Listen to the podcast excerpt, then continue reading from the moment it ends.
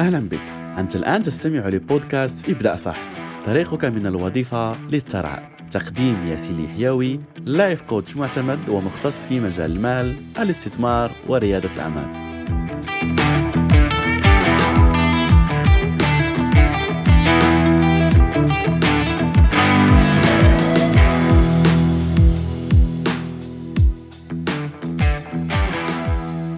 السلام عليكم ورحمة الله وبركاته. أهلا ومرحبا من جديد. ولازلنا في برنامج الوفرة المالية الذي نقدمه في هذا الشهر الكريم. وحلقة اليوم سنتكلم فيها عن واحد من أهم الفروقات بين الشخص الغني والشخص الفقير. وهي على أن الشخص الغني يركز دائما على الفرص لما يرى مشكل من المشاكل اللي أمامه يرى فيها فرصة يا إما لبزنس أو للتعلم وتطوير نفسه. في الجهة المقابلة الشخص الفقير دائما يهرب من مشاكله. خليني أسألك هل عمرك شفت شخص فقير يفكر كيف يحل المشاكل التي عنده في حياته؟ غالبا لا أغلب الوقت تجد على أنه يهرب منها يا إما بالتلفاز يا إما يختلق مشاكل مع الأهل مع الزوجة مع هي مع الزوج آه، مع الأبناء في الشارع في المقهى وحتى يعني لاحظ على أنه أغلب البرامج اللي فيها مشاكل ولا مثلا الصلح ما بين الناس والتي آه، تعري الناس يعني في القنوات وتتحدث عن مشاكلهم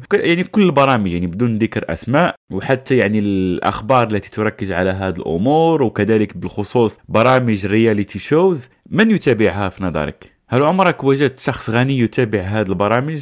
لا فالشخص الفقير أصلا عنده مشاكله وهو لا يكتفي بها يعني هو مبدع ما شاء الله في البحث عن مشاكله ومشاكل الناس فهو لا يكتفي بالمشاكل اللي عنده يتابع مشاكل الناس ويقول لك آه اللي يشوف مشاكل الناس تهون عليه مشاكله. طيب أنت أصلا مركز على المشاكل فخليك عايش فيها فبالتوفيق لك يعني و... فأكمل يعني في المسيرة ما شاء الله عليك أبدعت.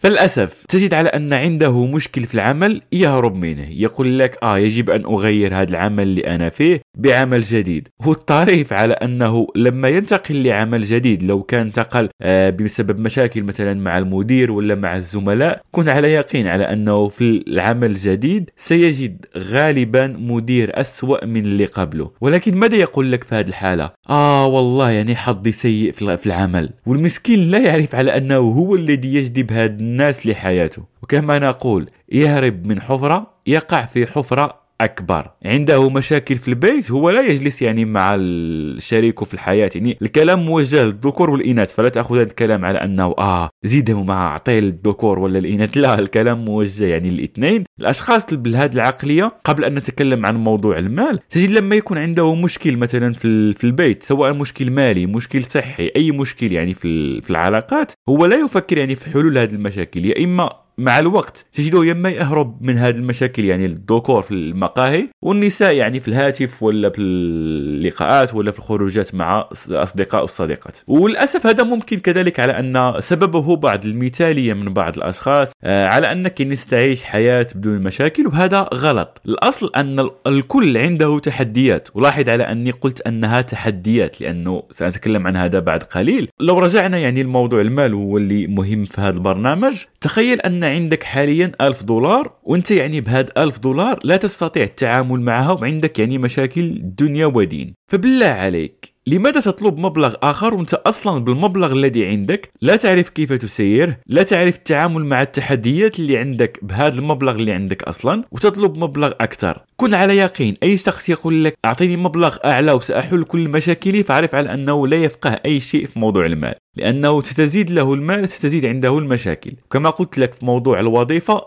الشخص الذي يهرب من المدير ولا الذي يهرب من البيئة السامة شخصيا لا أتفق مع هذه القاعدة ولا أتفق مع هذا المنطق لأنه استمرارك في الهرب من المشاكل سيبرمج عقلك على أنك شخص يهرب من المشاكل ولست شخص يحل هذه المشاكل وهذه عقلية للأسف غلط عقلية الفقر. فخلينا نرجع مرة أخرى لموضوع المال. هل في نظرك شخص موظف مشاكله هي مشاكل شخص عنده شركة وهو مسؤول عن مئة موظف؟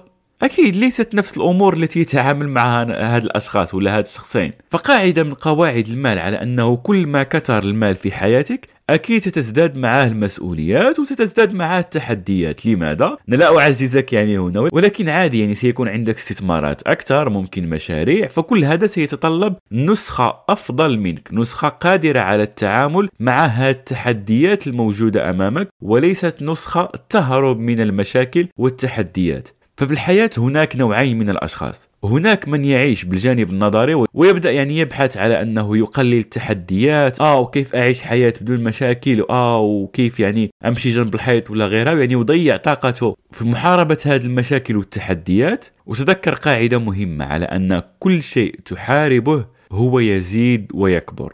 وهناك فئة أخرى في الجهة المقابلة تطور من نفسها لكي تصبح أقوى من هذه المشاكل.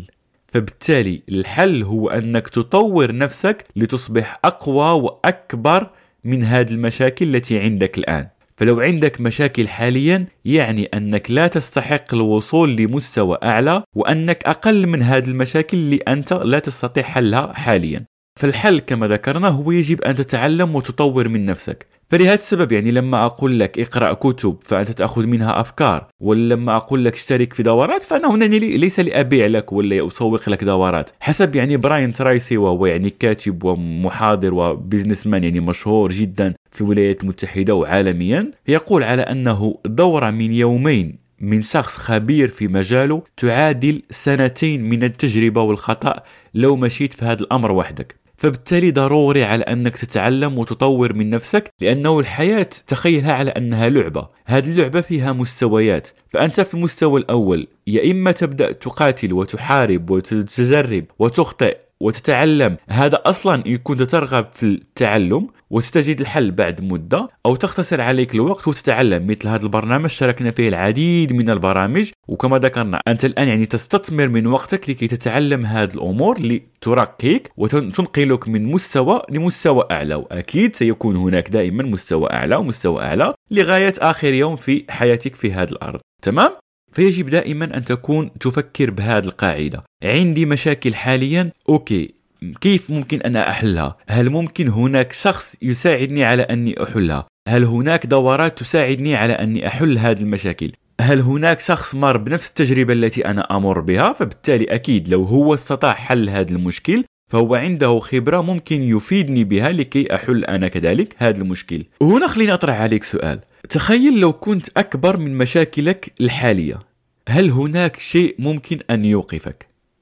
أكيد لا. فيستحيل على أنه أي شيء تستطيع أنت تحله فسيكون الأمر ممتع بالنسبة لك. تذكر مثلا المشاكل في الدراسة اللي كانت عندك ولا التحديات أيام الدراسة. لما تعلمت وطورت من نفسك بعدها أصبح هذا يعني كشرب الماء بالنسبة لك. فهكذا تمشي الحياة. ودائما يعني أتوصل برسالة تذكرتها يعني الآن. يقول لك آه وتقولنا على أنه الكلام سهل. يكون جوابي دائما على أنه متأكد أن الكلام سهل. الكلام أخذ منك أربع خمس سنوات ست سنوات لكي تستطيع أن ترد وتتكلم وتطلب من أهلك الأشياء التي تريدها ويصل بعدها الأمر لثمان سنين عشر سنين لكي تتكلم بطلاقة. فلا تقل لي على أنه الكلام سهل لأنه أخذ منك سنين من التعلم ومواجهة هذا التحدي اللي كان أمامك لأنه الله سبحانه وتعالى خلقك بهذا المفهوم. ففي نهاية هذه الحلقة أريدك أن تسأل نفسك ما هو أكبر مشكل في حياتك الآن؟